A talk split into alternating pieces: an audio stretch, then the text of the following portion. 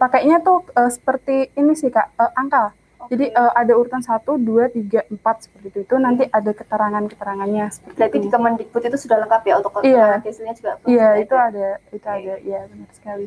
Terus, eee, selanjutnya setelah kita, eee, mendapatkan kode akses dan juga, eee, nomor pendaftaran tadi, kita login Kak. Ya tadi kan udah login, itu udah masuk ke dashboard, eee, terus, eee, kita isi biodata. Isi biodata seperti biasa ada pas foto, ada nama, NIK, NISN, dan juga lain sebagainya.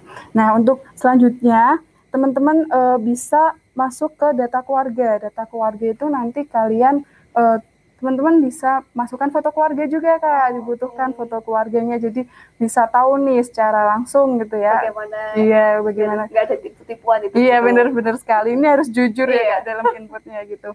Ya terus nanti, eee, ada juga untuk, eee, detail ayah, detail ibu, seperti itu. Nanti, eee, penghasilan ayah, terus penghasilan ibu, pekerja